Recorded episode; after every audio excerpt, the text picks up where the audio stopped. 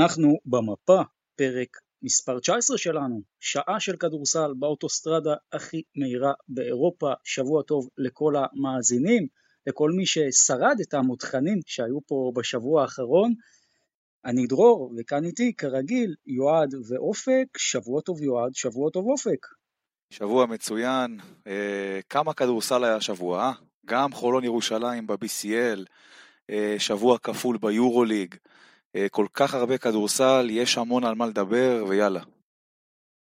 כן, מרגיש שעבר הרבה יותר משבוע, לא יודע, משום מה השבוע הזה אה, כן, פתאום התחושות זמן, התחושות זמן מתבלבלות לך, שיש כל כן, כך כן. הרבה משחקים.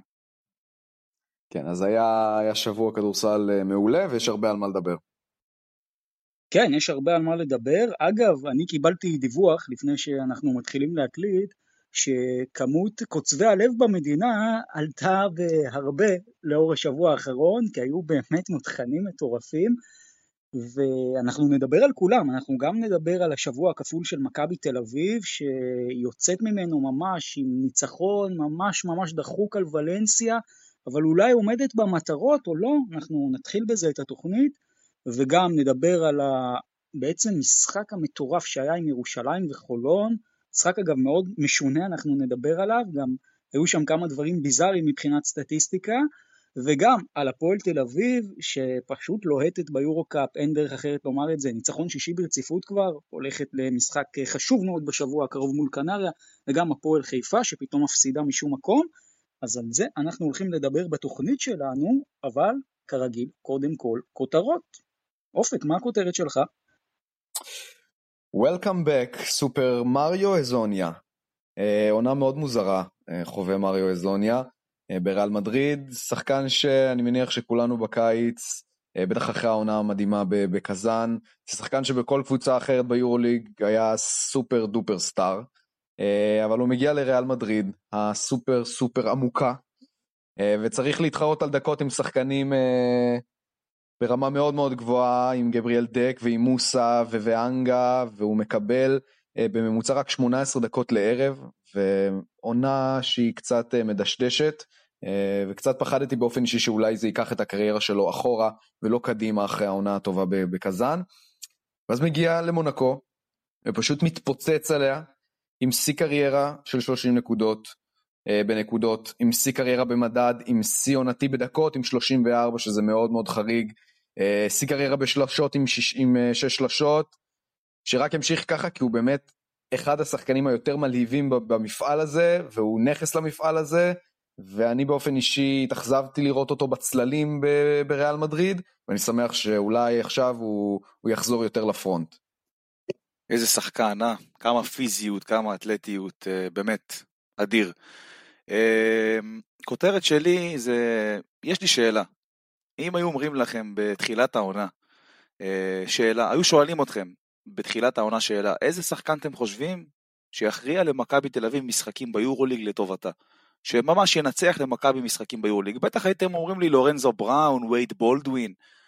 חבר'ה, ג'ון די ברטולומיאו, שחקן שכבר, בוא נגיד אחרי הפציעה שלו בעונת 19-20, כבר די, די גמרו את הקריירה שלו. בעונת 2021 הוא היה הרבה פחות טוב ממה שזכרו, וחבר'ה, השנה ג'ון די ברטולומיאו פשוט מתפוצץ, מתפוצץ, אין מילה אחרת. יש, אני יכול להצביע לכם על משחקים מסוימים כמו זה שהיה בוולנסיה, וגם זה מתחיל גם במשחק מול מונקו, במחזור השלישי, מול אולימפיאקוס בהיכל, שהבן אדם עלה שם מהספסל והיה אחד הברגים הכי חשובים לניצחון הזה. אה, וג'ון די ברטולומיאו באמת אה, נותן עונה אדירה במונחים שלו, עם קרוב ל-50% לשלוש ביורוליג, ובאמת, כל קבוצה הייתה שמחה שהיה לה שחקן כזה, אם היה לה שחקן כזה, ואני כאוהד מכבי תל אביב מאוד שמח שלמכבי יש שחקן כזה. אה, הלב שהוא נותן, האנרגיות, אה, המחויבות שלו, זה משהו שאי אפשר להסביר במילים. אה, שאפו, ג'ון די ברטולומיאו. אני מקווה גם ש... כמובן, אתה עוד uh, מימי חיפה והחצי גמר המפורסם. כן, כולם זוכרים. אגב, מה השם שאני נותן לג'ון די? נכס. נו? נכס. נכס חבל על הזמן. לחלוטין. אני מקווה רק שאנשים יתחילו להבין שאי אפשר להחליף לב אה, בכישרון גדול ככל שיהיה, ובקיץ היו הרבה דיבורים סביב ג'ון די ברטולומיאו, אולי מייק סיידיגר ש... שיחליף אותו בעמדת הגארד המתאזרח, ואין, אי אפשר להחליף לב, וג'ון די ברטולומיאו הוא עמוד תווך מטורף אה, בקבוצה הזאת, ובאמת, הוא משרה כזאת, אה, כזאת רוגע ונחת על המגרש וביטחון גם, גם לאוהדים וגם לעודד קטש. הכותרת שלי היא הרבע השלישי של עודד קטש. אני לא יודע אם אתם זוכרים, אבל פעם, לפני 13 שנה, הייתה קבוצה שעודד קטש אימן, שקראו לה גלבוע גליל, עם ג'רמי פרגו ובריין רנדל ואייזה אסואן ואלישי קדיר, ומעבר לכל הכוכבים האלה, מה שהיה מאוד בולט בקבוצה הזאת, זה הרבע השלישי. הקבוצה הזאת תמיד, באופן סיסטמטי, ירדה למחצית בפיגור, וברבע השלישי עלתה בסערה הפכה את המשחק ובדרך כלל גם ניצחה אותו. וזה מה שאפיין את גלבוע גליל אז של קטש, כך גם היא עשתה במשחק האליפות מול מכבי תל אביב, והנה עודד קטש מראה לנו שעדיין יש לו את זה ובגדול, כי בשני המשחקים בספרד, מכבי תל אביב יורדת בפיגור אחרי מחצית ראשונה לא כל כך טובה, והופכת את המשחק עם הצגה התקפית מטורפת ברבע השלישי, והרבע השלישי של עודד קטש כאן הוא בגדול הרבע השלישי של עודד קטש, זו הכותרת שלי, ומכאן בואו נתחבר באמת למה שמכבי עשתה בשבוע הכפול מול ברצלונה וולנסיה, אז בואו נתחיל עם ברצלונה. אז מכבי מגיעה לברצלונה, מתחילת המשחק לא משהו, ברצלונה כבר מובילה 39-28, שלוש וחצי דקות למחצית, אבל משם קורה משהו, מכבי מתעוררת, מצמצמת את הפער עד סוף המחצית, רבע שלישי מכבי יוצאת ממש כמו מילוע של תותח, פתאום שלשות של איליארד שהיה במשחק מצוין, של בולדווין, של אדמס, מכבי, לא יודע אם שמתם לב, רצה 41-18 ב-12 וחצי הדקות שהיו משלוש וחצי דקות לסיום המחצית הראשונה עד דקה לסוף הרבע השלישי, עולה כבר ליתרון 67-57, קצת נעצרת בסוף הרבע השלישי, רבע רביעי די שקול מתחיל, שבע וחצי דקות לסיום, ג'רל מרטין קולע ועושה 74-68, ומשם משהו קורה, שתי הקבוצות נעצרות, עד חמש דקות לסיום המשחק, ואז ברצלונה עושה עוד ריצת 14-0, מכבי משלימה שש וחצי דקות בלי סל, ובסופו של דבר מפסידה את המשחק הזה. יועד, אתה היית שם, איך היה המרגש? קודם כל תראה, כאחד שהיה שם, אה, עזבו עכשיו את הקטע המקצועי, בקטע, בקטע החווייתי, אני ציפיתי למשהו אחר לגמרי. אווירה אדירה בברצלונה, הקהל שלהם צויר כאיזה קהל קונצרטים שלא, לא איזה מבצר או משהו, מה, אני, בתור אחד שהיה שם, אני חייב להגיד, מה שהלך שם ברבע הרביעי, הפתיע אותי ברמה מטורפת, אני, אני לא אגזים אפילו אם אני אומר שזה היה קרוב למה שאני חווה כאוהד חוץ בדרייבין, אני אומר לכם אמיתי, אה, כמה אנרגיות השחקנים של ברצלונה קיבלו מהקהל שלהם ברבע הרביעי, זה היה מטורף. אמ, ובהחלט חוויה יוצאת מן הכלל, כמובן, חוץ מההפסד, ומכבי יוצאת עם איזה תחושת פספוס, אה, אבל אה, אתם יודעים, צריך תמיד לשמור על אופטימיות, והנה באו לוולנסיה וניצחו, אמנם עם סימן שאלה וכוכבית ענקית, אנחנו עוד נדבר על זה בהמשך. כן, אז בואו רגע נדבר על מה שקורה בוולנסיה מבחינת מהלך המשחק. שוב, מכבי תל אביב מגיעה, פותחת טוב, 12-5, אבל ולנסיה לאט לאט משתלטת על המשחק. יתרון שיא כבר במחצית, 55-45. בשלב הזה זה היה נראה שמכבי בדרך להפסד, כי מכבי פשוט לא שמרה וחטפה שלשות על ימין ועל שמאל, אבל תחילת הרבע השלישי שוב קטש, ושוב 32-12 בשמונה דקות, זה מה שמכבי עושה בתחילת הרבע השלישי, ממינוס 10 עולה לפלוס 10, לא מצליחה לשמור על היתרון הזה, שכמעט נמחק לגמרי עד סוף הרבע, ממש קרב צמוד עד הסוף, ולנסיה מחטיאה שלשה ומכבי מנצחת 94-93, אז בסופו של דבר מכבי תל אביב כן יוצאת עם ניצחון חוץ אחד, אבל אני רוצה לשאול אתכם, האם לדעתכם מכבי תל אביב צריכה להיות מרוצה מהשבוע הזה? קודם כל כן, כמובן, מה השאלה? הרי כולם אה, סימנו לפני השבוע הזה שאחד משתיים יהיה ההישג שמכבי צריכה לעשות, ושתיים משתיים זה כאילו וואו. אתה מבין? אז ברור שכולם יוצאים מרוצים ממבחן התוצאה של השבוע הזה, כי מכבי בסוף עומדת במטרה שלה. אומנם עם תחושת פספוס, כמובן אי אפשר להגיד שלא, כי אתה יודע, אוהדים ציפו גם לתבוסה בברצלונה, ותשמע, היינו שם צמודים עד הסוף כמעט, אה, ואולי מרחק של 3-4 דקות טובות נוספות בברצלונה, אנחנו יוצאים משם עם 2 מ-2, מי, מי יודע. אה, אבל אה, כן, מכבי בהחלט תחושת פספוס, מסמנת את המטרה שלה של 1 מ-2, יוצאת עם 1 מ-2, אבל החולאים הרעים עדיין לא מאחורינו. יש למכבי תל אביב בעיות גדולות מאוד, אם זה ברמה ההגנה של האחד על אחד, ברמת ההגנת אחד על אחד, אה, ברמת ההגנה הקבוצתית גם, אה, ברמת המנ...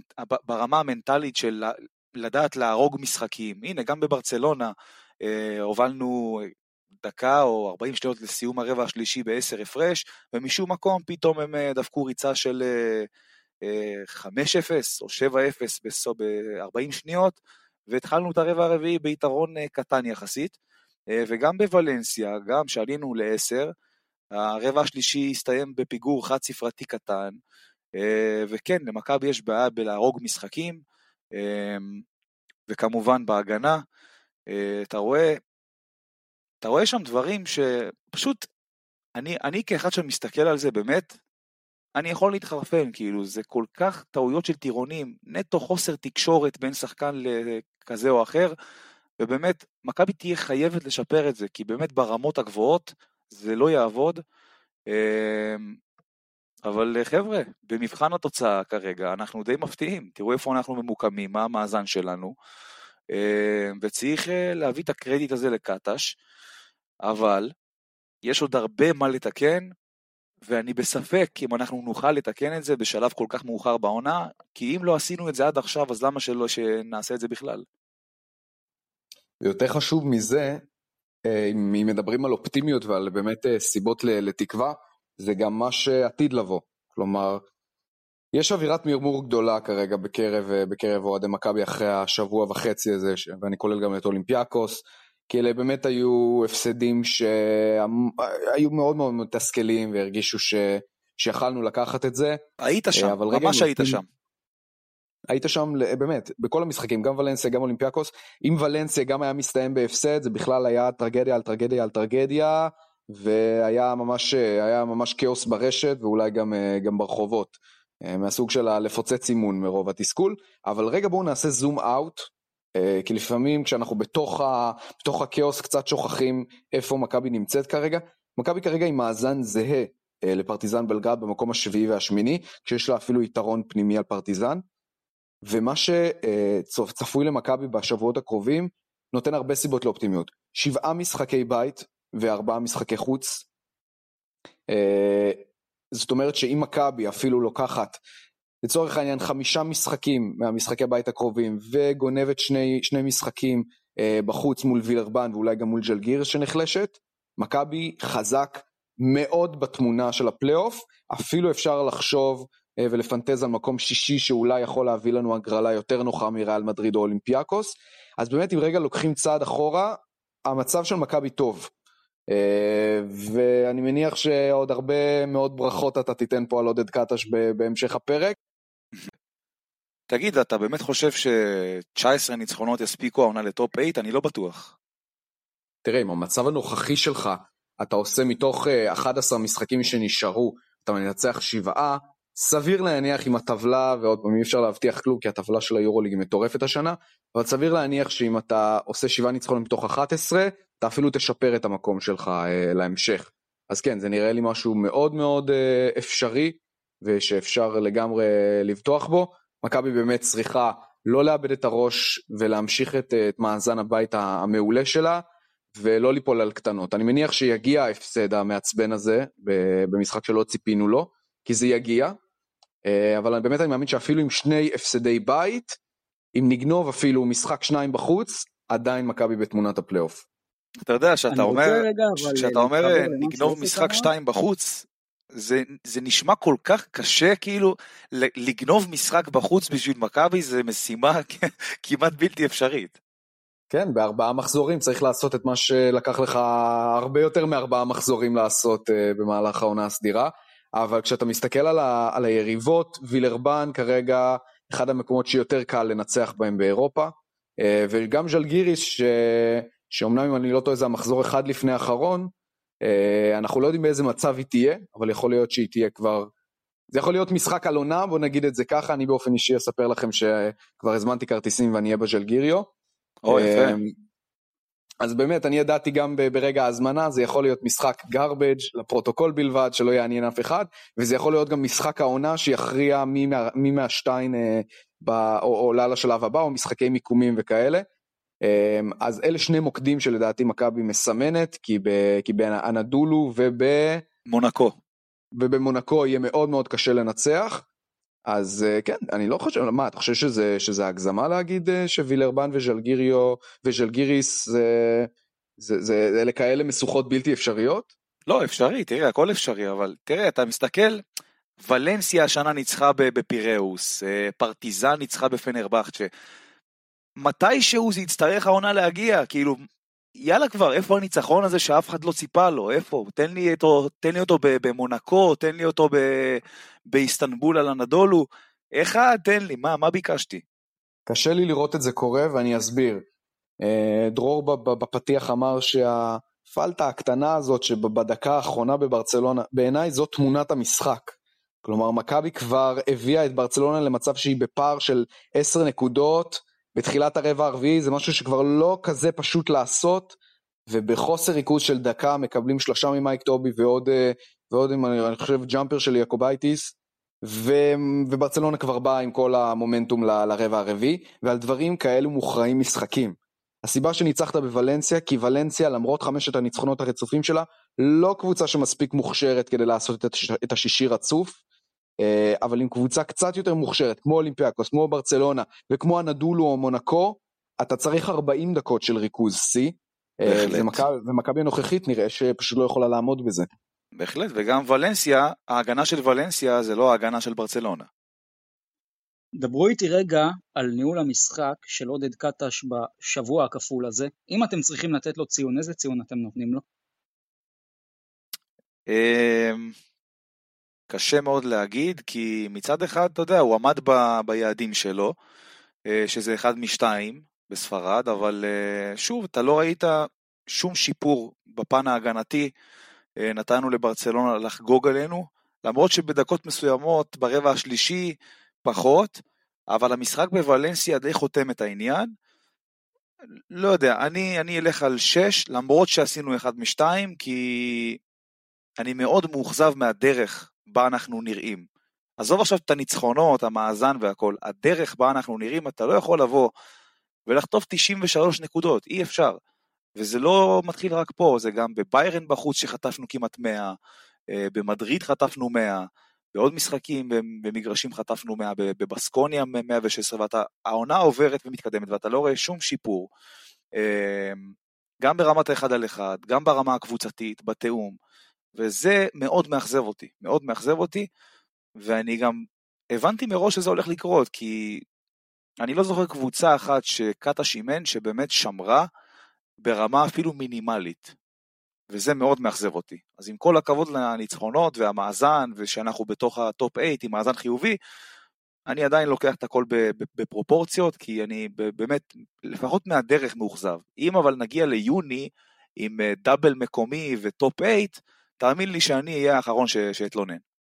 כן, זה דיסוננס אבל מטורף בין האווירה לבין התוצאה בשטח. כאילו, אני חושב שכאוהד מכבי, קשה לי להצביע על משחק אחד אפילו העונה אה, ביורוליג, שבאמת יצאתי מסופק ואמרתי, וואו, איזה כדורסל יפה משחקת הקבוצה שלי.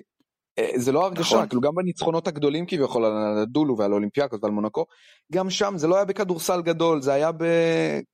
לא, לא כדורסל, זה, זה דברים אחרים שגרמו לניצחון שם. הטירוף, אה, הטירוף של ההיכל, האנרגיות של הקהל. כן, ואחרי 23 מחזורים אפשר להגיד שעדיין הקבוצה של עודד קטש לא מציגה כדורסל מספיק טוב. לא ברור, לא ברור להרבה אוהדים איך הגענו למצב הזה שאנחנו אה, כל כך בתמונת, אה, בתמונת הפלייאוף, יכול להיות שבעונת יורוליג אחרת, עם קבוצות אחרות ועם מאזנים אחרים, היינו הרבה יותר עמוק בסביבות ה-13-15 במיקום. אה, אבל זה המצב הנוכחי, וכמו שאמרתי, העתיד אופטימי יחסית, אה, בגלל, ה, בגלל משחקי הבית המרובים, אפשר לעשות את זה. אבל מה הציון שאתה נותן לקטש על השבוע הזה? אמרתי, באמת, באמת קשה לשפוט, כי על פניו גם בוולנסיה וגם בברצלונה, למרות היתרון גם על ברצלונה דברים כאלה, ההרגשה הייתה שמכבי משחקת כדורסל לא טוב. רמת המחויבות של, ה, של השחקנים, בעיקר בהגנה, היא, היא, היא כל כך מתסכלת לאוהד שצופה מהצד בדבר הזה, כי ברור שהם מוכשרים בהתקפה, אבל מרגיש שמנטלית, עזוב אופק במספר, זו לא, בא, זו לא קבוצה שיודעת לנשוך. אני חושב שבכל מה שקשור ל... לניהול חילופים ודברים כאלה, קטש בסך הכל עשה עבודה במרבית הדקות טובה, אבל בכל מה שקשור ל... לגרום לקבוצה לנצח משחקי חוץ ולהיות מושכת, אה, הוא לא עמד לא במשימה מספיק טוב, אה, ואני אתן לו גם ציון אה, פושר כזה של, של 6. אוקיי, מותר לי קצת להיכנס בכם כאוהדי מכבי? יאללה, תיכנס, לזה אנחנו מחכים. אני, בגלל זה אני אומר, אם אתה, להפך, אני, אני רוצה לעודד אותך דרור ולהגיד, הרבה פעמים כשאנחנו נמצאים בתוך הסיטואציה כאוהדי הקבוצה, אנחנו קצת לא רואים מהצדדים, אנחנו באמוק וקטש ו- ותסכול, ולהפך דווקא בגלל שאתה אוהד מהצד, אתה יכול לפקח את עינינו. קודם כל אני אגיד לכם משהו.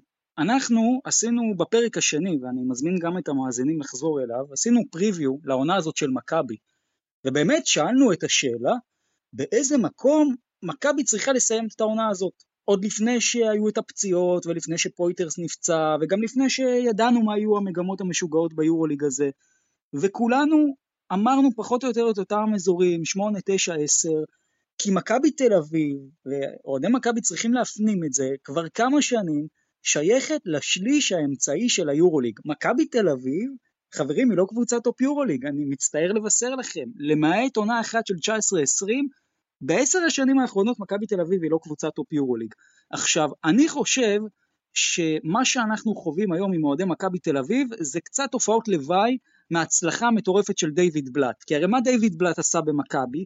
כל שנה הוא לקח roster שבואו נודה באמת לא היה שווה טופ 8 בהרבה מאוד מקרים, כמו למשל ב-2013 או אפילו ב-2012, והוא עשה איתו הצלבה, ב-2011 הוא מגיע לגמר היורוליג עם קבוצה שבוודאי לא שווה גמר יורוליג, ב-2014 הוא זוכה עם קבוצה שאני בספק אם אפילו הייתה שווה טופ 8, ואיכשהו אצל אוהדי מכבי, מרגיש לי שהתקבעה איזושהי מחשבה שתמיד מכבי בסוף תעשה את זה. ודייוויד בלאט באמת מאמן ענק, אבל לא כל מאמן יכול לעשות פי 100 ממה שהקבוצה שווה. עכשיו גם היום, הסגל של מכבי שווה אמצע טבלה, מכבי די צפויה נמצאת במקומות שהיא נמצאת, לדעתי אגב אחת הקבוצות הכי צפויות ביורוליג, ובמבחן התוצאה, מכבי שם. עכשיו גם במבחן הדרך אוהבים מאוד מאוד לטנף על עודד קטש. ואני הסתכלתי על השבוע האחרון, ובשבוע האחרון עודד קטש היה בסדר גמור, גם במשחק בברצלונה. יש עליו ביקורת שהוא לא נתן לאיליארד יותר לנוח, סליחה, לבולדווין יותר לנוח. תגידו, מה רציתם? שהוא יעלה עם מפתח זיו במאני טיים. אני, אני באמת שואל מה רציתם מעודד קטש. עכשיו, קטש גם אוהבים לומר שהוא היה אפאתי, אז ב, אני בדקתי, ב-14-0 של ברצלונה, אה, קטש לקח שני פסקי זמן. לקח גם פסק זמן מחובר אחד כדי לתת לבולדווין עוד כמה שניות לנוח. וקטש הגיב, והגיב עם חילופים. מי שקרסו בברצלונה היו השחקנים, לא עודד קטש, כי קטש באמת ניסה לעשות הכל, והוא גם הפתיע את ברצלונה עם מיליארד, שאני לא בטוח שברצלונה התכוננה לדרון מיליארד של השנה לפחות. עכשיו גם בוולנסיה, אנחנו רואים מאמן שעולה אחרי מחצית שהוא מקבל בראש, הקבוצה נראית אחרת לגמרי. מה יותר אלמנט של טביעת אצבע של מאמן מזה שהקבוצה משנה את תורה אחרי הפסקת מחצית. עכשיו, למשחק כדורסל אתה מתכונן כמה ימים, אבל למחצית השנייה אתה מתכונן 10-15 דקות, וקטש עשה בית ספר למומברו, שהיו לו שני שחקנים נהדרים, גם את הרפר וגם את uh, פרדיה, ו- ובעצם הוא לא הלך איתם, פרדיה רק 13 נקודות, אבל ב-13 דקות, כלומר, הוא לא נתן לו יותר קרדיט, ו- וקטש כן הלך עם השחקנים החמים, ראינו את רפי מנקו ברבע הרביעי טוב בוולנסיה, קטש הלך איתו, אני נותן לקטש תשע על השבוע הזה, ולדעתי אגב במבחן התוצאה מכבי תל אביב כרגע עומדת בגדול בכל היעדים. בישראל היא פייבוריטית מוחלטת לכל התארים כבר לקחה את גביע ווינר ביורוליג היא בדיוק איפה שהיא הייתה צריכה להיות אפילו קצת מעבר, לא, באמת לא מבין מה רוצים מקטש. אני כבר אמרתי לך, קודם כל, שנותנים ביקורת צריך שהיא תהיה עניינית. להגיד למה הוא לא שיתף את זיו, או למה בולדווין לא נח, זה לא ענייני, זה סתם לחפש, ואת זה אני לא אוהב. אה, אבל שוב, אני אחזור על זה כמו תקליט שבור פעם אחר פעם. אני לא מסוגל לסבול את ההגנה שמכבי מציגה ברוב המשחקים שהיא משחקת. זה פשוט כל כך קשה לצפייה. אבל אין לך שחקנים עם יכולות הגנתיות, יועד. איליארד הוא לא שחקן הגנה. עזוב עכשיו את איליארד. בונזי קולסון שומר אחד על אחד מצוין.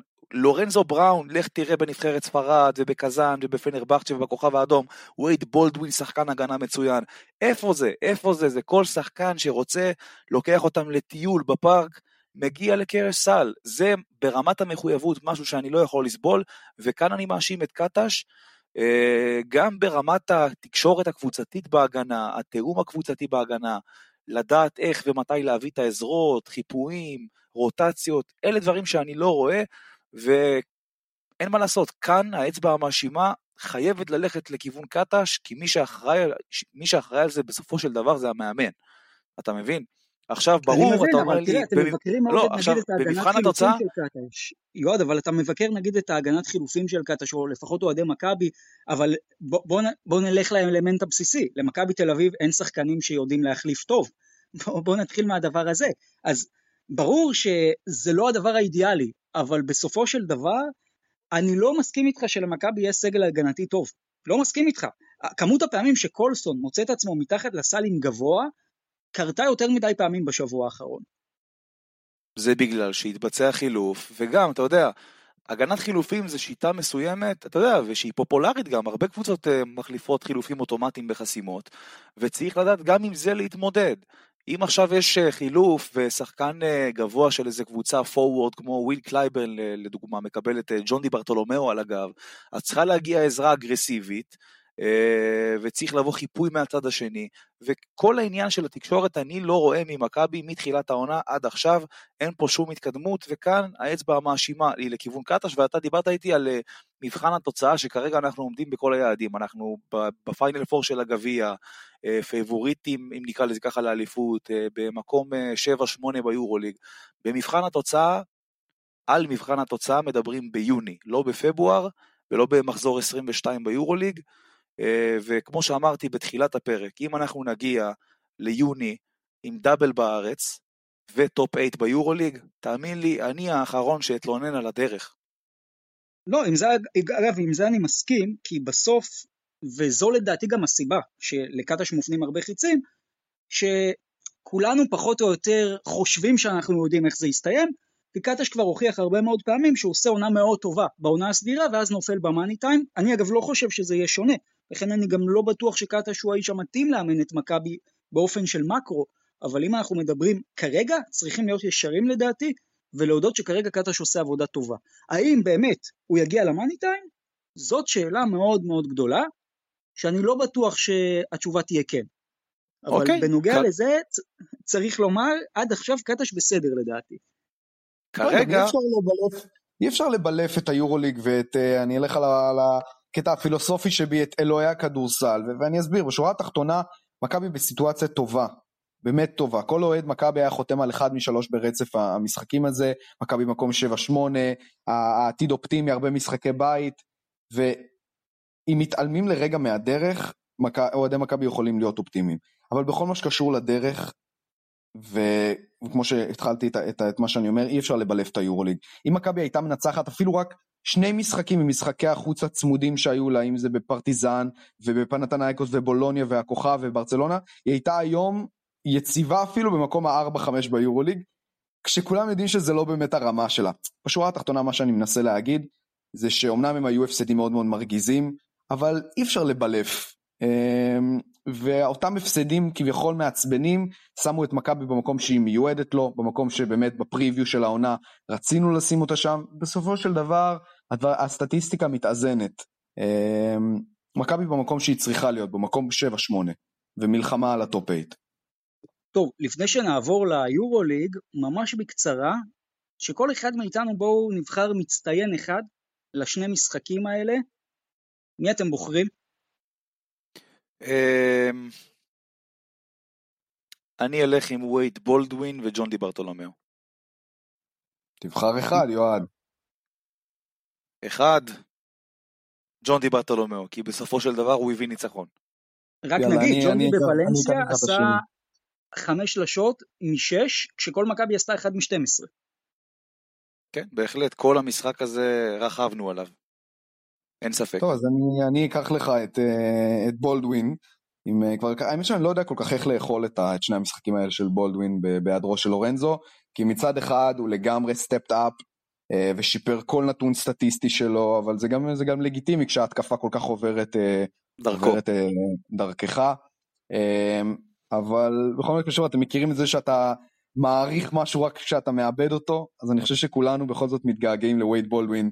למרות השבוע והשיפור הנתונים הסטטיסטיים, מתגעגעים לווייד בולדווין שמוביל, שמוביל כדור משני, אה, ואני חושב שהשבועיים האלה תרמו לו לביטחון, אה, ולתחושתי בציוות המחודש עם לורנזו, כשההגנות לא מתמקדות רק בו, הביטחון שהוא צבר ב- ב- בשבועיים האלה כשהוא ביסס את מעמדו, אה, אני חושב שהוא גם יראה את, ה, את הכדורסל הכי טוב שהוא הציג העונה אה, בציוות החדש עם לורנזו.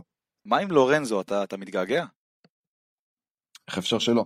אה, אני חושב שהוא הוא חוזר לכוכב האדום, אני מניח שלא ב, לא למשחק של 35 דקות, אבל הוא חוזר, ואין אוהד מכבי שלא ראה כמה החיסרון שלו ניכר, ואני חושב שבמכבי כולם, גם השחקנים וגם ווי בולדווין, נושמים לרווחה. טוב, והמצטיין שלי, אני כבר מדבר על זה עד עכשיו כל התוכנית, אבל אני אפרגן לו שוב, עודד קטש, מבחינתי, המהפכים שהוא עשה ביציאה למחצית השנייה, עשו את ההבדל לפחות בוולנסיה, וצריך לומר, לא הכל מושלם, מכבי בכל משחק מסרה רק 13 אסיסטים, זה נכון, ועדיין גם במשחק ההתקפה למכבי יש הרבה מאוד ליקויים, אבל המצטיין שלי, עודד קטש.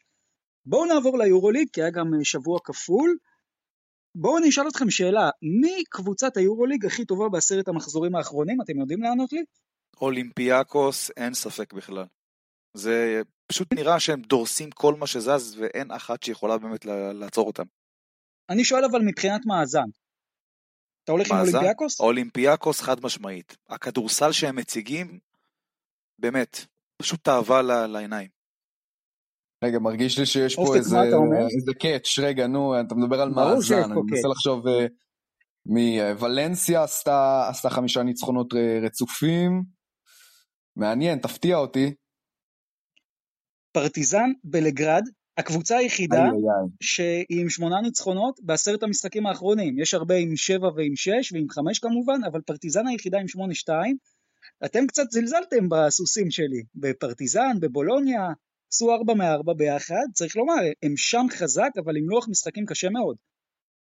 כן, צריך להגיד שהם אה, דפקו ריצה יפה מאוד, אבל אה, שוב, אה, עכשיו לא מודדים יכולת של קבוצות, וכמובן הם יימדדו במחזורים הקשים שלפניהם, ועם כל הכבוד, ויש כבוד, אני לא מאמין שהם יצליחו להיות בטופ 8, אה, כי באמת, הלוז שיש להם, גם המון משחקי חוץ קשים, אה, יהיה להם מאוד קשה לנצח אותם, אה, ובוא, צריך להגיד גם את האמת, אה, על הנייר גם אני חושב שהם לא שווים את זה. מה לגבי אולימפיאקוס. שנחזור אליה, כלומר היא כרגע נראית הקבוצה הכי טובה ביורוליג, מול אנדולו זו כבר הייתה הצגה. אולימפיאקוס לדעתי אפילו פייבוריטית לזכייה העונה.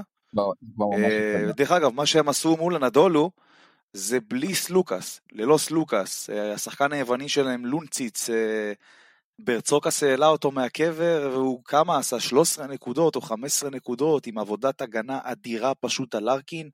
אני לא האמנתי שאני רואה את זה. פשוט לא האמנתי שאני רואה את זה, ובאמת אולימפיאקוס נראית כרגע כקבוצה הטובה ביורוליג. אה, ובאמת, כל הכבוד, כי אחרי הכל זה לא קבוצה עם אה, תקציבים ב-level של ריאל מדריד או ברצלונה, זו קבוצה עם תקציבים, אומנם תקציב גבוה, אבל uh, רחוק מאוד מהטופ, uh, ומה שהם עושים העונה, ומה שהם עשו גם בעונה שעברה, שאפו. וכרגע גם עכשיו יש דיבורים, אתם יודעים, אנחנו מתקדמים קצת יותר לרגעים המכריעים של העונה, וכבר מתחילים לדבר על אה, MVP של היורוליג, ואני חושב ש... אני לא זוכר איזה אתר פרסם את המועמדים, יכול להיות שאפילו האתר הרשמי של היורוליג, אה, וסשה וזנקוב כמובן. אחד מהאופציות. ואני לא רואה מישהו שיכול להתקרב אליו אה, כרגע. וזנקוב, וזנקוב, וזנקוב ה-MVP, אפשר להתקדם. כן, כן, זה, זה דומיננטיות מטורפת, הוא השחקן הכי טוב, בקבוצה הכי טובה ובפער ענק, לא טווארז ולא וויל קלייברן ולא מייק ג'יימס, אני לא מצליח לראות מישהו ש, ש, שמתקרב אליו, וזה שהם גם הצליחו לה, להשאיר אותו לעוד כמה עונות במקום שילך ל-NBA זה גם הישג מטורף, ובכללי יכול להיות שאנחנו רואים כאן dynasty בהתהוות, אה, שהתחיל שנה שעברה אה, באופן מצוין, אולי נגמר קצת פחות טוב במה שקשור בישורת האחרונה, אבל נדמה שעכשיו סיכוי מאוד מאוד טוב שלהם ללכת אפילו עד הסוף, ואולי uh, להדיח את uh, אנדולו בכל מה שקשור לדיינסטי השולט במפעל. בהחלט. שתי קבוצות שנעצרות לגמרי, מפסידות כל אחת פעמיים, ז'לגיריס והכוכב האדום, מה איתם? תראה, ז'לגיריס, אה, יש גבול כמה אפשר לשקר, וכמה אפשר אה, לגנוב לאנשים את הדעת. בגדול אתה מסתכל על הסגל שלהם, במיוחד אחרי הפציעה של קינן אבנס, זה סגל שלא שווה אפילו את ה-11 הראשונות ואני לא מגזים. אמ, ובסוף הכל, מתג... הכל מתגלה, הכל מתפוצץ, והנה, כנראה שהם אה, הולכים באמת בדרך לחזור לגודל הטבעי שלהם, אה, עם כמה הפסדים רצופים. אה, דרך אגב, בשבוע הבא הם מארחים את בסקוניה, משחק מאוד מעניין, שאם אותו הם יפסידו, זה יכול להיות כבר סוף הסיפור. אני לא מגזים אם אני אומר את זה, אה, כי מזה אני לא רואה אותם יוצאים. וכן, אנשים, אה, כולל את אופק אני חושב, אופק אני, אני זוכר שאתה הבאת לג'לגיריס פה, ניבאת להם עתיד, מה זה ורוד? מה אני אעשה? אני טועה. גם היו, היו, היו פה מחזורים שגם אה, אני הייתי כבר על הגל בתהילת עולם של תראו איזה נבואה מדהימה. דרור לא הפסיק לשבח אותי על הבינגו הזה, אבל נו, כן. זה, זה, זה היורוליג הנוכחי. כן, חד משמעית. אה, והכוכב האדום גם, הכוכב האדום זה די מפתיע אותי, אני חייב להגיד, כי יש להם סגל מצוין, מאמן מצוין, הם נתנו ריצה מצוינת אה, מוקדם יותר העונה, ובאמת אני, לא, לא ברור לי, לא ברור לי הנפילה הזאת. המשחק במילאנו, לא יודע, באמת אני לא יודע איך להסביר את זה, אה, וזה עוד לפני משחק השבוע ביד אליהו, שגם הם, אם הם יפסידו אותו, הם גם רגל וחצי בחוץ, אפשר להגיד כבר, כי, אתה יודע, כנראה שמכבי לא תנצח רק בנקודה, אם היא תנצח, היא תנצח ביותר מזה, וזה הפסד, הפסד כפול כבר, ובאמת שהפסד ב... ביד אליהו, והעונה שלהם גם, אפשר להגיד, יחסית נגמרת. בואו נעבור אני, לשתי אני הטורקיות ש... רגע. בואו נעבור לשתי הטורקיות, okay. אוקיי. פנרבכצ'ה ואנדולו, וסקוטי יקיר המערכת. תראו, זה נראה לא טוב, צריך לומר את זה. הנדולו בכלל זה מצב לא פשוט כבר, אבל לא יודע, לי עדיין יש תחושה שפנר בוודאי, אבל גם הנדולו תהיה שם. תראה, קודם כל, עד שהעונה לא מסתיימת, אתה לא יכול להספיד את הנדולו. זה, אני, אני חושב שכולם מסכימים על זה. אה, וגם אני חי בתחושה הזאת שמתי שהוא הם ידפקו לך את הריצה הזאת משום מקום ואתה לא תבין מאיפה זה בא לך ופתאום יהיו בטופ 8 ופתאום אה, אה, יגררו למשחק חמישי איזה קבוצה וינצחו את זה ואיכשהו יגיעו לפיינל 4 אבל לא יודע השנה זה נראה לי קצת פחות הגיוני ממה שזה היה נראה בשנים שעברו. כי השנה זה נראה שמשהו בחדר הלבשה לא עובד. לארקין הרבה פחות טוב ממה שהוא היה לפני הפציעה קלייבורן שם גם די השתלט על הפוזיציה הזאת, לא, לא יודע, משהו שם לא, לא עובד, משהו שם לא נראה לי, ו... אבל בוא נראה, בוא נראה, יש לאנדולו מספיק כישרון לצאת מכל בור, וזו קבוצה שבהחלט, עד שהעונה לא מסתיימת, אסור להספיד אותה. חד משמעית, למרות שאתה אוהב לדבר הרבה על הגנה, אני חושב שהשנה יש בעיה מאוד מאוד קשה מבחינה הגנתית באנדולו, יש שם איזה שחיקה, צריך לומר את זה, ובהרבה מאוד משחקים הם לא מסוגלים לעשות סטופ הגנתי, וגם ירידה מסוימת ביכולת של ארקין ומיצ'יץ', אז מעניין מאוד לראות לאן זה יגיע בסוף. לדעתי בסוף אנחנו נגיד אה, לא היינו צריכים להספיד את הנדולו, לא שמישהו הספיד אותה, אבל גם לא היינו צריכים לפקפק בזה שהיא תהיה בשמונה, אבל איך תדע, יכול להיות שהיא בסוף תתרסק. אה, על מילאנו לדעתי לא נדבר, כי פעמים קודמות שדיברנו כל תוכנית על מילאנו הם רק הפסידו, והנה שבוע שעבר לא דיברנו על מילאנו והם עם שני ניצחונות רצופים, אז נשאיר את זה ככה, ניתן להם אה, ככה... אני חייב, אני חייב, אני מת להגיד איזה מילה, מילה על מילאנו מההיבט של, אה, של אוהד מכבי. אני חולה על הפוזיציה שהם נמצאים בה ואני אסביר. הם די גמורים בגדול בכל מה שקשור ליורוליג, הם יודעים את זה, אבל הם גם קבוצה מאוד מאוד מוכשרת, אה, ואני מאוד מאוד אוהב את זה שהם כרגע, נגיד, מפילות את הגדולות. אה, ועוזרות למכבי. בוא נגיד שמכבי הייתה צולחת מבחינת הטבלה, הרבה פחות, אה, בהרבה פחות הצלחה את השבוע הזה, אם לא מילאנו ש, ש, שמנצחת את בסקוניה. ואת הכוכב. ואת הכוכב. ומאוד מאוד עוזרת למכבי לדלג, ואני מקווה שהיא תמשיך לנצח את המשחקי ביניים האלה וככה לדחוף את מכבי, רק שלא תנצח בהיכל גם. כן, זה בדיוק מה שבאתי להגיד, כי צריך גם לזכור, יש לה משחק בהד אליהו. טוב, בואו נעבור להימורוליג. אגב, מבחינת טבלה, אז אנחנו כמובן התחלנו בסיבוב השני, אז אני עם 30 ואתם עם 28, אבל סך הכל אנחנו מאוד צמודים. אז בואו נראה מה היה המחזור הזה. אנחנו מתחילים עם אלבה ברלין, שמארחת את אולימפיאקוס, מישהו מפרגן פה לברלין עם ניצחון? ממש לא, 30 הפרש אולימפיאקוס. תתקדמו. אוקיי, גם אני עם אולימפיאקוס. טוב, אנדולו, ריאל מדריד, אני עם אנדולו. ריאל מדריד. שמע, ניצחון, אה, ניצחון של מדריד ואנדולו בבעיה קשה. היא צריכה להתחיל לצבור ניצחונות. הם טוב, יכולים, הם יכולים לדפוק לך 6-7 ניצחונות רצוף ואתה לא תבין בכלל מאיפה זה בא לך, תאמין לי. כן, אבל אתה גם לא רוצה לטבוע עוד יותר בבוץ ו- ולהצליח, ולנסות להתחיל לצאת מזה. כמובן. אם רוצים להתחיל, להתחיל להשתפר, כל פעם, כל, כל פרק כמעט אומרים את זה, זה עכשיו, די. נכון. כבר עוד מעט לא תהיה דרך חזרה, ובכל זאת אני הולך עם מדריד. ומכבי תל אביב, הכוכב האדום בלגרד, על הנייר ניצחון קל למכבי, אבל... קל? אבל, אני לא יודע אם קל. אני לא יודע אם קל, אני חושב שזה הולך להיות בבית, דחוק. אתה קבוצת הבית הכי טובה. אה, אוקיי, אבל עדיין אני, הכוכב האדום זו קבוצה שמקשה על מכבי באופן אה, קבוע, וזה לא יהיה משחק קל, מכבי לא הולכת לטייל, אני חושב באזור החמש-שבע למכבי. אני כבר אמרתי לכם, מתי שיגיע ההפסד הלא צפוי אה, בהיכל, וזה לא יהיה לפנרבכצ'ה אה, או לריאל מדריד, זה יהיה אחת מהיותר קטנות שיגיעו להיכל. תחושתי זה לא יהיה הפעם, מכבי תנצח את הכוכב. אה, אני מניח שכבר כל השחקנים וכולם כל כך נאחזים בקרנות ההיכל, אני רוצה להגיד קרנות המזבח, אבל כל כך מתגעגעים להיכל, כי הוא, כי הוא נשק מטורף, שאני מניח שזה ישתחרר כמו מילואה של תותח. טוב, גם אני מכבי, ומשחק מאוד קריטי לזליקו, ביירן מארחת את פרטיזן בלגרד, אני עם זליקו. ביירן מינכן. כן, זה צריך להיעצר מתישהו, אני גם הולך עם מינכן. אוקיי, וירטוס בולוניה, ברצלונה, מה אתם אומרים? ברצלונה. אני אפתיע אותך, וירטוס בולוניה. די, לא, לא, זה לא יכול להיות. וירטוס כבר ניצחה בברצלונה, פעם שנייה זה לא יקרה. אז אני אומר שפעם שנייה זה כן יקרה, אבל בסדר, אני כל תוכנית מהמר עליהם. אז הנה וירטוס בולוניה, אני גם אומר, פנרבכצ'ה מארחת את מילאנו, אני עם פנרבכצ'ה ואני מאוד מקווה בשביל איטודיס שהוא ישכיל לקחת את המשחק הזה. אמ, תראה, הראש אומר פנרבכצ'ה, אני גם חושב שפנרבכצ'ה תנצח, אבל הלב רוצה מאוד שמילאנו. כן, שימשיכו עם הקו הזה של חיסול הגדולות. בדיוק. אה, בדרך של מכבי לפסגה. אה, אבל לא, במשחק, במשחק חוץ זה כבר יהיה קשה, אני הולך עם פנרבכצ'ה.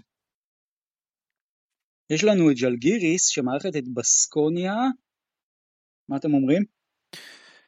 איזה משחק. משחק מאוד אה, בסקוניה גם. משחק מאוד מסקרן. אה, שמע, זה יהיה ממש צלילה, צלילה של ג'לגיריס אם היא מפסידה גם את המשחק אה, בית הזה. אני אלך, אני אלך עם ג'לגיריס. האמת, פעם ראשונה שאין לי מושג מה להמר. ממש לא יודע. לא יודע, משהו אומר לי בסקוניה, אז אני אלך עם בסקוניה. אוקיי. מונקו וילרבן? מונקו.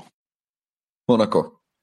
וגם אני עם מונקו, ויש לנו את פנתנאיקוס אה, מול ולנסיה, אני חושב שוולנסיה תיקח את זה בחוץ. פנתנאיקוס. אני גם אלך עם פאו.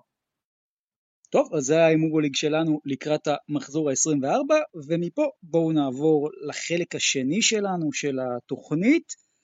ובעצם נסכם את הקרב הגדול שהיה בין ירושלים להפועל חולון.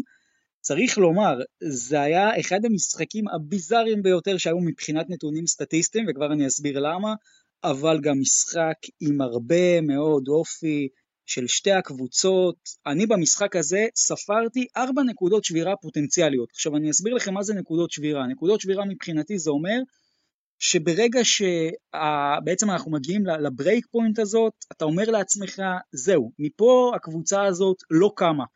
ולהפועל ירושלים היו שלוש כאלה, בעצם באמצע הרבע השני כבר 29-20 לחולון, כל האולם שם בשיגעון, וזה היה נראה שזה הולך לכיוון הדו ספרתי, ירושלים חוזרת, וחוזרת טוב ומצמקת עד המחצית, וזה כבר שוויון 35 בתחילת הרבע השלישי, ושוב, חולון בורחת, עושה 46-38, 5 דקות לסיום רבע שלישי. לא יודע אם אתם זוכרים את פסק הזמן של ג'יקיץ', אבל שם זה באמת היה נראה עוד נקודת שבירה של ירושלים. זה פסק זמן שאתה גם רואה שהשחקנים מאוד פוחדים מג'יקיץ', מתחילים לגמגם שם, ספידי סמית ורנדולף, וג'יקיץ' צורח עליהם, מה, מה אתם אומרים? בואו פשוט תשחקו חכם. אבל זה היה נראה שהספסל של ירושלים איבד את זה, ובאופן די מפתיע, משם הפועל ירושלים חוזרת. לריצה 9-0, חולון לא עשה עד סוף הרבע, התחושה היא שאם הרבע הזה נמשך גם עוד 20 שנה חולון לא קולעת בו נקודה, אבל הרבע הזה נגמר ביתרון לירושלים 47-46, ופה זה היה נראה break point של חולון דווקא, זה היה נראה שחולון לגמרי איבדה את המשחק, אבל חולון חוזרת, שתי דקות שתי הקבוצות לא עושות סל, ואחרי שבע דקות שחולון לא עושה סל, היא בעצם קולעת ויוצאת גם לרצף של שלוש שלשות וריצת 11-2 מהירה, ופה עוד פעם, נראה שזה נקודת שבירה של ירושלים, 5.49 לסיום הרבע האחרון, זה כבר 57-49 לחולון, אבל כמו במשחק הזה, כמו שקרה לאורך כל המשחק הזה, אז ירושלים עושה ריצת 16-6 עד הסיום ומנצחת, ובעצם גם סטפבק ענק של קרינגטון, שולח שם את אה, ניב משגב לחוף אשקלון. עכשיו, מבחינת בעצם המשחק עצמו, צריך לומר, זה היה משחק הגנתי מעולה, גם חולון וגם ירושלים באמת שיבשו אחת לשנייה את משחק ההתקפה, חולון לדעתי משחק ההגנה הכי טוב שלהם לא רק בשנה הזאת, אלא מזה הרבה שנים, ירושלים צריך לומר מסיימת עם תשעה אסיסטים בלבד, קבוצה שמוסרת 22 אסיסטים בממוצע למשחק במפעל הזה, ובעצם חולון באמת באמת שיבשה לירושלים את כל משחק ההתקפה לגמרי, אני אשאל אתכם שאלה מאוד פשוטה, כמה פעמים לדעתכם הנקינס עשה נקודות מכדור שהוא קיבל בצבע? אני מתקשה לזכור מהמשחק הזה הרבה נקודות לשתיים, אה, אז אני אאמר שלא הרבה. זה לא לא הרבה, זה לא לא הרבה, זה אפס. זה מספר הפעמים שהנקינס עשה נקודות מכדור שהוא קיבל, הוא עשה פעמיים אה, מריבאונד התקפה שלו, אנחנו כבר נדבר על זה, אבל באמת ירושלים לא הופיעה התקפית, צריך אבל גם לומר, גם ירושלים מאוד מאוד הקשתה על חולון. אז חולון קלעה 13 מ-30 ל-3, שזה נחמד, אבל ג'ו רגלנד, קודם כל שני שיאים שליליים במשחק הזה, אפס ריבאונדים ושלושה אסיסטים. שחקן שהיה לוקח אה, חמישה אסיסטים, במי... אה, מוסר חמישה אסיסטים במינימום בממוצע למשחק, בדרך כלל גם הוא עומד, אם אני לא טועה, על איזה ממוצע של תשע במפעל הזה. ירושלים אמנם חטפה מרגלנד 5 מ-8 ל-3 ו-19 נקודות, אבל זה היה ברור שאותו לבד אי אפשר לעצור, אבל כן מנעו ממנו מאוד את הכדור ועשו הכל כדי להוציא אותו מהמשחק, בטח מניהול המשחק, ועשו את זה מעולה, וגם הנה מבחינת הנתונים הביזאריים, אז קבלו את זה, חולון קולט רק שמונה פעמים לשתי נקודות במשחק הזה, ובמחצית השנייה חולון עושה 2 מ-8 לשתי נקודות, זה מה שחולון עושה במחצית השנייה לא, לא בצבע, אני מדבר איתכם בכלל, בתוך הקשת של השלוש. אני חושב שזה שיא שלילי בטוח באיזושהי קטגוריה, גם השתי קליעות וגם השמונה זריקות. אז חולון אמרנו, מחזיק אותה ומחזיקות אותה השלשות, אבל למעשה בסופו של דבר היא מפסידה את המשחק הזה פשוט כי לא היה לה שחקן כמו בצד השני בירושלים, את ליוואי רנדולף, שנתן לה בכל הזדמנות ובכל מצב שירושלים הייתה צריכה את הסל הזה, רנדולף היה שם היחיד שמסיים עם אחוזים מעל 50% מהשדה, אז בסך הכל בשיניים, אבל ירושלים מנצחת, וואו.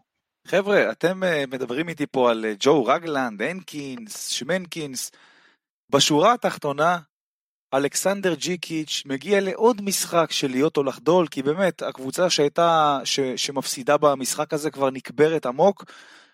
עוד משחק של להיות או לחדול, ג'יקיץ' מגיע ומנצח, משבש ליריבה שלו את כל משחק ההתקפה. אה, ובוא, חבר'ה, חולון זו, זו קבוצה שמשחקת בקצב מהיר, היא אוהבת לשחק בקצב מהיר. אה, היא, להוריד אותה לסקור נמוך זה ההפך ממה שהיא מעדיפה, וזה מה שג'יקיץ' עשה. אה, וזה מה שהפועל ירושלים עשתה, היא הגיעה מוכנה יותר למשחק הזה. ברמה ההתקפית, אתה יודע, הפועל ירושלים קבוצה די מוגבלת ביחס לחולון, אז אה, הנתונים ההתקפיים לא כל כך אמורים להפתיע כמו הנתונים ההתקפיים שחולון סיימה את המשחק הזה. והנה, הפועל ירושלים שוב מגיעה למשחק הזה ולוקחת אותו, הפעם על אדמת ארץ הקודש, והפועל חולון אה, בבעיה. הפועל חולון כבר נקלט לבעיה רצינית עם 0-2, והיא תצטרך פה לתת ארבעה משחקים טובים, אה, וכנראה גם זה יהיה חישוב על הפרש, אה, וכרגע, לצערי הרב, אני חושב שחולון מסתמנת כקבוצה החלשה בבית. אני לא מסכים איתך בכל מה שאמרת, ואני אסביר. קודם כל, חולון לא אוהבת לשחק מהר, כלומר חולון מדורגת במפעל פר 40 דקות, מקום 29 בפוזיישנים למשחק. ולא בהכרח כי היריבות שלה כופות עליה את זה, אלא פשוט כי חולון השנה תלויה בבן אדם אחד, יותר משמכבי תלויה בלורנזו, או שהפועל תלויה בג'קובן וזה בג'ו רגלנד, והבן אדם צריך לנוח גם על הפרקט. אז חולון משחקת התקפות מהירות, אבל גם משחקת הרבה מאוד התקפות איטיות. ולגבי ג'יקיץ', יועד, אם קרינגטון לא עושה שם את הסטפבק הזה, או אם בסוף השלושה של אריס נכנסת, שבאמת היה לו מבט פנוי רק להסתרק, להצטלם ולשים את זה, אז לא בטוח שאנחנו מדברים על ג'יקיץ' ככזה גדול. בהחלט, עכשיו, בס... בהחלט, אבל ב- בסופו של דבר, איך אתה אוהב להגיד, מבחן התוצאה אומר, יש ניצחון, נגמר. לא, צריך, תראה, צריך לפרגן לג'יקיץ' על, ה, על זה שהוא שיתק לגמרי את ההגנה של חולון, אבל מצד שני הוא חייב למצוא פתרונות להתקפה שלו. כי ירושלים כל המשחק הזה 35% מהשדה, בלי בעצם רנדולף זה גם 30% מהשדה, מה שמנצח לירושלים את המשחק הזה זה 15-6 בריבאונד ההתקפה. להגיד לך שזה מאמן יותר נגיד מהנקינס שהוא פשוט שחקן מטורף? לא יודע, אבל אני כן מפרגן את ג'יקיץ', אני כן בהחלט אומר. תראה, כמו שאתה אומר על מכבי, שאנחנו נמצאים במקום שאליו אנחנו שייכים, וברמה שהסגל שלנו שווה, ככה בדיוק כמו הפועל ירושלים. ככה בדיוק. זה הסגל שיש לג'יקיץ', ואני לא רואה שהוא יכול להוציא משהו יותר טוב התקפית ממה ש... שהוא מוציא כרגע. לא, אני, אני אגיד לך, אבל מה הביקורת היחידה כן שיש עליו בירושלים, זה שבתחילת הרבע השני הוא עלה שם עם איזה הרכב, גם של נועם יעקב, גם של ברנדון בראון, של שחקנים שבכלל לא שיחקו כל המשחק, בכל הרבע הראשון, ואז כן חולון עשתה שם איזה ריצה, אבל סך הכל, אני כן חושב שג'יקיץ', גם את המשחק הזה, ניהל טוב, אבל אם אני צריך לבחור גיבור למשחק הזה, זה ליוואי רנדולף, כמו שאמרתי, כל פעם שירושלים הייתה צריכה, ו- והיו הרבה פעמים במשחק הזה שירושלים הייתה צריכה, רנדולף היה שם, אופק, מי הגיבור שלך מהמשחק הזה? אני גם אלך על, על, על ג'יקיץ', ברור שאפשר ללכת על ה-what if, על, על מיליון פוזיישנים uh, שהיו במשחק הזה, על מה היה קורה אילו, אבל החמש דקות האחרונות של המשחק, אתה ראית, אתה ראית את הפועל ירושלים בסיטי פרטה בעונה הנוכחית. קודם כל, אחלה משחק בלי, בלי קשר, uh, משחק שלגמרי בעיניי סיפק את, ה, את הסחורה. היה לחץ מאוד מאוד גדול אה, וראו את זה לאורך כל, אה, לאורך כל שלבי המשחק, אבל בחמש דקות, לאורך כל המשחק הייתה הגנה מצוינת ברוב הדקות של הפועל ירושלים, אבל בחמש דקות האחרונות, איזה תעצומות נפש, איזה אופי, חולון כבר בשמונה, וירושלים לא נשברת, ולהפך, פתאום לעשות את הסוויץ' הזה בראש, אה, ולא לתת לקהל הביתי להשפיע עליך, לעשות את הסוויץ' הזה בראש ולהיות פתאום אקסטרה אגרסיביים. איזו מחויבות כלפי המאמן וכלפי הקהל שלהם, ממש בעיניי בגרות אה, של הקבוצה הזאת. באמת, השלשה הזאת בסוף של, של טי.ג'יי אריס היה הזריקה הכי קלה שהייתה לחולון לדעתי במשחק. אה, אז נכון, הרבה מזל, אבל בשורה התחתונה אם אתה, החמש, החמש דקות האלה הם בעיניי מדד מצוין לאיזה קבוצה יכולה להיות אה, הפועל ירושלים כשג'יקיץ' הוא המאמן שלה. היא קבוצה שיודעת לנצח משחקים גדולים כשהכסף על השולחן. אה, והשליטה שלו בקבוצה היא, היא מופתית.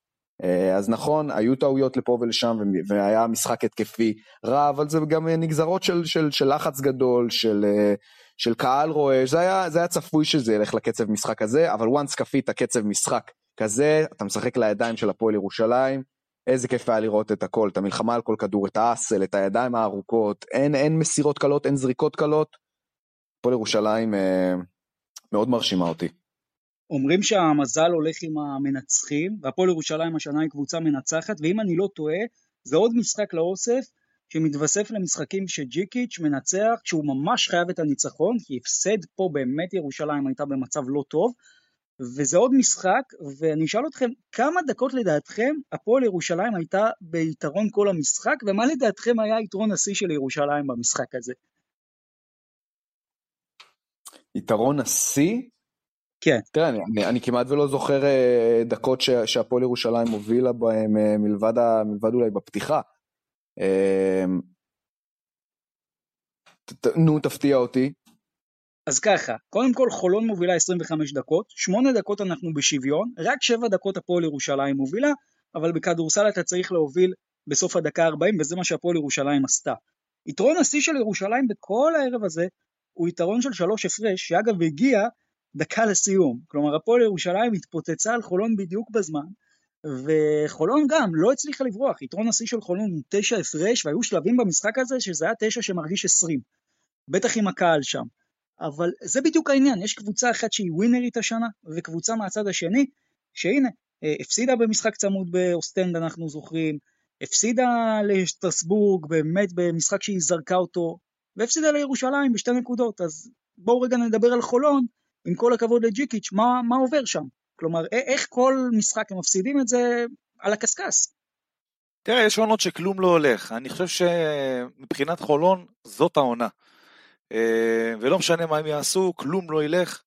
אה, ויש עונות כאלה, וחולון צריכה להתמודד עם זה, ועדיין, לשכוח, אמנם הפסידו והכל, אבל לשים את זה מאחורה, אה, לבוא למשחק הבא, לעשות הכל בשביל לקחת אותו, קצת להתעורר מהתרדמת ולחזור לעצמם, כי בסופו של דבר העונה עוד לא נגמרה, יש, יש עוד על מה לשחק, על מה להתחרות.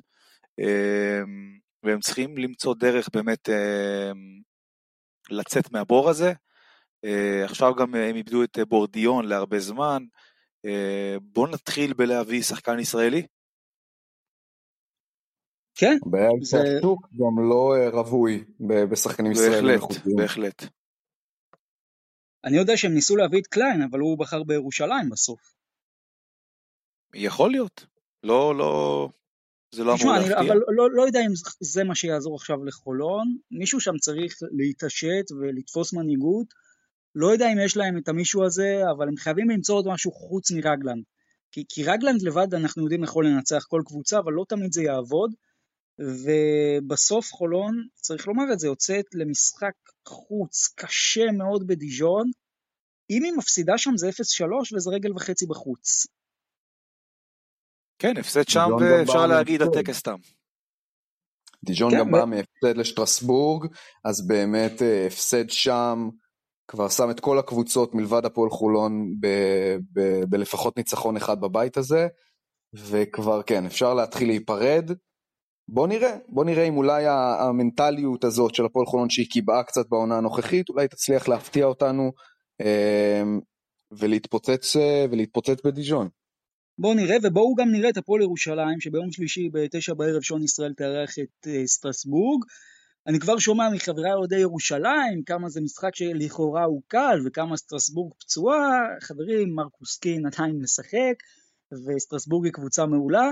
ואנחנו זוכרים מה קרה מול דיז'ון וגם מה קרה בבאר שבע ומה קרה בנס ציונה ומה קרה במשחקים שהפועל ירושלים הייתה פייבוריטית בהם והפועל ירושלים השנה פייבוריטית ואני מאוד מודאג האמת מהמשחק הזה, כי כמו שאמרתי על ג'יקיץ', לנצח כאנדרדוג הבן אדם מעולה, ולכן גם חשבתי שהוא ינצח בחולון. לא יודע אם הוא באמת מסוגל גם השנה, בניגוד לשנים קודמות בקריירה שלו, להביא את הניצחונות האלה כפייבוריט, וזה must, זה must ביום שלישי הקרוב מול שטרסבורג, אחרת ירושלים, כל מה שהיא עשתה בחולון, הולך לפח. אם הפועל ירושלים רוצה לעלות מהבית הזה, היא צריכה לנצח את המשחק הזה, כי הפסד פה זה כבר שתי הפסדים בבית. אמ, צד שני ו... לא הפסידה בחוץ העונה. 4-0 בחוץ. נכון, אבל אתם יודעים, אתם מכירים את הקלישאה על הקבוצות מאותה מדינה וכולי. יכול להיות שזה באמת המקרה. לך תדע גם פתאום אולי חולון מסוגלת משום מקום לקחת משחק בארנה. את זה אנשים לא, לא הם מתייחסים לזה. אה, אבל כן, הפסד של ירושלים כאן, ובהחלט אני חושב שאפשר להיפרד כבר משני הישראליות. טוב, אנחנו לקראת שבוע גורלי מאוד, לירושלים ולחולון, אנחנו נסכם אותו כמובן בשבוע הבא, ומפה בואו נעבור להפועל תל אביב, ניצחון שישי ברציפות, נראית כרגע לדעתי גם הקבוצה הכי טובה ביורו-קאפ, ואני לא מגזים, היא באמת קונצרט, גם המשחקים נגמרים בצורה משכנעת, הפעם זה 18 הפרש על טרנטו, זה משחק שהפועל תל אביב מתחילה אותו לא טוב, טרנטו פותחת עם 6-0, במחצית הפועל יורדת בפיגור של 40-37, אבל הפועל תל אביב, שימו לב, מחצית שנייה מנצחת 41-20, 6 דקות אחרונות עושה 13-4, ווולקאם, צ'יניאנו אונוואקו סוף סוף נותן משחק, 22 נקודות, 100% לשתי נקודות, 8 ריבאונדים, 35 מדד, חבל על הזמן. כן, תראה, קודם כל, אה, אני לא חושב שיש אחד על הכדור שחשב שטרנטו באמת אה, תמתח את הפועל תל אביב, אבל הפועל תל אביב מנצחת את המשחק שהייתה אמורה לנצח וחייבת לנצח. המבחן האמיתי כמובן, השבוע גרנד קנריה מגיעה לדרייב אין, ניצחון על גרנד קנריה, והפועל תל אביב כבר מתחילה לדבר במושגים של מקום 2 או 1, וזה מאוד מאוד משמעותי הדברים האלה, מבחינת ההצטלבות בשלבים הבאים, אה, הביתיות, אה, ובהחלט, הפועל תל אביב, תשמע, אם, אם היא ניצחה בבית את uh, טורק טלקום עם סגל חסר, היא בהחלט יכולה לקחת את גרן קנריה בבית, כזכור גם הפסידה בנקודה בלבד בחוץ, אמ, ובאמת אם לא קומדיה של טעויות בסוף גם הייתה מנצחת שם את המשחק, והמשחק השבוע היה משחק אפילו על מקום אה, ראשון, לא? או שני. ראשון. כן, ואתה זוכר שאני מאוד כעסתי על הפועל תל אביב שהיא לא הצליחה לנצח אז כן, בקנריה. אז אפשר להגיד שעכשיו הם משלמים את המחיר על ההפסד הזה. עכשיו הם משלמים, אבל צריך לומר, אם הם מנצחים בשלוש הפרש ומעלה, והאמת גם בשתיים אם אני לא טועה, כי יש להם הפרש יותר טוב. אני חושב. כן, כן, אז גם בשתיים ומעלה, הפועל תל אביב במרחק חצי משחק מקנריה, אבל קנריה מגיעה בכושר מעולה, צריך לומר את זה, היא מנצחת את פריז 118-99, כלה 68 נקודות במחצית הראשונה, זה האתגר האמיתי של הפועל תל אביב, לא כך אופק? אתגר מטורף. תראו, משחקי המיקומים בטבלה זה חשוב, אבל מעל הכל אני רוצה להאמין ש, שגם בהפועל תל אביב רוצים את הניצחון על קנריה, גם בכל מה שקשור לפן ההצהרתי. אנחנו לא צריכים לדבר שוב על כמה קנריה זה אחת המשוכות שהכי מאיימות להפועל תל אביב, על אה, לגנוב לה את תואר היורו-קאפ שהם, שהם כל כך כל כך רוצים, בטח אחרי מה שקרה אה, ב, ב, כשהפועל תל אביב ביקרה שם. אה, באים להצהיר, באים לנצח, ובאמת ניצחון שם, וכבר זהו, אין יותר סימני שאלה, רק סימני קריאה, ושרק ימשיכו ככה, וה, ותואר יורקאפ הוא לא מילה גסה, אבל כן, בדרך לתואר יורקאפ עוצרים, ב, עוצרים בגרנד קנריה. לפני שאנחנו עוברים להפועל חיפה, מילה אחת שלכם מבחינת הפועל תל אביב, הימור, איך זה ייגמר, ניצחון או הפסד? ניצחון דחוק, אני הולך על שלוש הפרש, אה, מורידים את הפער למשחק וחצי, אה, ותלוי מה טורק טלקום תעשה גם, אה, וזה יכול להיות מכריע, האם הפועל תל אביב תהיה מרחק חצי משחק מהמקום הראשון או שלא. אני גם הולך איתך אגב, שלוש הפרש ונחש מי קולע שלושת ניצחון. רק אל תגיד לי אקסאביר מונפורד. בוודאי שאני אגיד לך אקסאביר מונפורד, בוודאי שאני אגיד לך אקסאביר מונפורד. אוקיי. קודם כל אני מאוד אוהב לקרוא לו חווייר, המאהב הלטיני של הפועל תל אביב. אני גם חושב שהפועל תל אביב תנצח את המשחק הזה. אמ, וואו, משחק אדיר, must see. טוב, אז אנחנו אופטימיים יחד עם הפועל תל אביב. מפה בואו נעבור רק להפועל חיפה, שהיא בדרך להיפרד מאירופה ולהשאיר אותנו עם ארבעת הגדולות, מה שנקרא. היא מפסידה לסלובקים במשחק בית, משחק שאם היא מנצחת אותו היא תלויה בעצמה, עכשיו הפועל חיפה צריכה לנצח את קראו, שהיא קבוצה מעולה, עם מאזן מושלם בבית הזה, 4-0, שאין לה אמנם כבר על מה לשחק, היא הבטיחה עלייה, אבל עדיין היא תצטרך, גם אם היא תנצח, שבודיבלניק תפסיד לסלובקים שלהם אין על מה לשחק. בקיצור, הפועל חיפה במצב רע מאוד, ואני רוצה להגיד לכם משהו על הפועל חיפה. אנחנו פה, וזה אתגר לא פשוט אגב, לסקר אותה גם בפודקאסט שלנו וגם בכלל, כי בסוף היא לא משחקת ביורוליג, ולא בליגת האלופות, ולא ביורו-קאפ, ולא תמיד השחקנים שמשחקים מולה זה שחקנים שכולנו ככה מכירים בשלוף, כמו שאנחנו מכירים את כל השחקנים בבמה הראשית באירופה. והפועל חיפה, במקום להיות מרוכזת בעצמה, מהרגע שהתחילה עם הסאגה הזאת של הגביע, ולמה זה לא בטוטו, ולמה זה כן בטוטו, ולמה זה פה, ולמה זה שם, היא במגמת התרסקות, ואתם יודעים מה? זה צחוק הגורל. כי הפועל חיפה, לו הייתה מרוכזת בעצמה, מאוד יכול להיות שהייתה גם לוקחת את המשחק הזה, וכן, אני חושב שיש קשר. בסופו של וואלה. דבר, מעניין שאתה קושר בין שני, שני המקרים. בוודאי שאני קושר, כי זה מערכת, זה מערכת, ו- ובסוף אם במערכת משדרים שאנחנו רוצים לנצח דרך פוליטיקה, אז, אז הספורט והכדורסל נדחק הצידה, ו- ואני חייב גם לומר, ההתנהלות של הפועל חיפה בימים האחרונים היא שערורייתית. כלומר, זה ממש כמו במשפט שלמה, כמו האמא שביקשה לחתוך את התינוק. הרי הפועל חיפה, כך או כך, לא תהיה רוב בשום אולם. גם אגב, אם זה היה ברוממה, היא לא הייתה רוב. אז מה, מה הקטע, לדפוק את אוהדי ירושלים? מה, מה הרעיון בעצם לעשות את זה בחולון? הרי גם בחולון אוהדי ירושלים יהיה רוב, כולנו יודעים את זה. וגם בארנה כמובן. עכשיו נסיעה מחיפה לחולון או מחיפה לירושלים, כאילו כל כך אכפת לכם האוהדים, תממנו הסעות. מה... אני בכלל לא מבין את זה, זה, זה דבר שהוא בעיניי ביזארי, תראה, אולי אה, מפריע להם הטבעות. יכול להיות שהם אומרים, זה לא פייר ששחקני ירושלים יזרקו לטבעות שהם כל כך רגילים לקלוע. אה, הנה, בחולון שחקני ירושלים אמנם לא, לא קולים לטבעות, אבל יודעים איך למנוע סלים. נו, אז זה, זה בעיניי מגוחך. תראה, אני, אני, אני, אני די מסכים איתך כאן. אני די מסכים איתך כאן, אני חושב שמתעסקים יותר מדי בדברים אחרים מאשר בעצמם. אה, רק צריך להזכיר שהם מודיעים על החתמתו של ג'סטין טילמן. אנחנו מכירים אותו טוב מאוד בימים שלו מהפועל תל אביב, ועוד לפני זה בליגה בגלבוע גליל, אני חושב שהוא היה אה, תוספת מאוד מעניינת להפועל חיפה. יכול להיות שזה יעזור להם אפילו באירופה, למרות שהסיכויים כבר קצת לרעתם, אבל אם מדברים על חצי גמר הגביע, זה בהחלט כלי מאוד חשוב, והוא יוכל לעשות את ההבדל, חבר'ה. תראו, אני חושב בכל מה שאמרתם לגבי ההחלטה להעביר את הפיינל פור של הגביע לארנה. אז נכון, היציאה של הפועל חיפה נגד הדבר הזה הוא לא באמת רציונלי. obviously אם לא... העוד 40-50 קילומטר האלו, אפילו אני כבר לא יודע כמה, כמה הבדל קילומטר יש בין חולון לירושלים, זה לא מה שיעשה את ההבדל, אבל זה נראה לי בעיקר מאבק עקרוני כזה של הרגשה שאם הפועל אה, ירושלים לא הייתה עולה שלב, כנראה שזה לא היה מתקיים בארנה. אה, וכשהיא פוגשת אותה בחצי הגמר, אז היא קצת אה, ממורמרת על, ה, על העניין הזה. לא, זה לא הייתי הופך את זה לזה. זה ביזיון, חברים, יש חיים מחוץ למדינת תל אביב. הארנה זה האולם הכי גדול בישראל. אין בעיה שזה יהיה שנה פה, שנה פה. אבל... אני אה, בעד, אני חושב שהארנה אולם מדהים, ואני שמח ש, שזה עבר לאולם, אה, לאולם שיכול להכיל בתקווה גמר של 11 אלף צופים, ולא, ב, ולא בטוטו בחולון, שהוא גם אחלה של אולם, אבל אנחנו רוצים אווירת, אה, אווירת פלייאוף, ולא, ולא, ולא פחות מזה. אה, אז אני לגמרי בעד שזה יהיה או בארנה או בהיכל. אני באמת חושב שזה פשוט העניין העקרוני הזה של זה לא היה קורה אם, אם ירושלים לא הייתה עולה.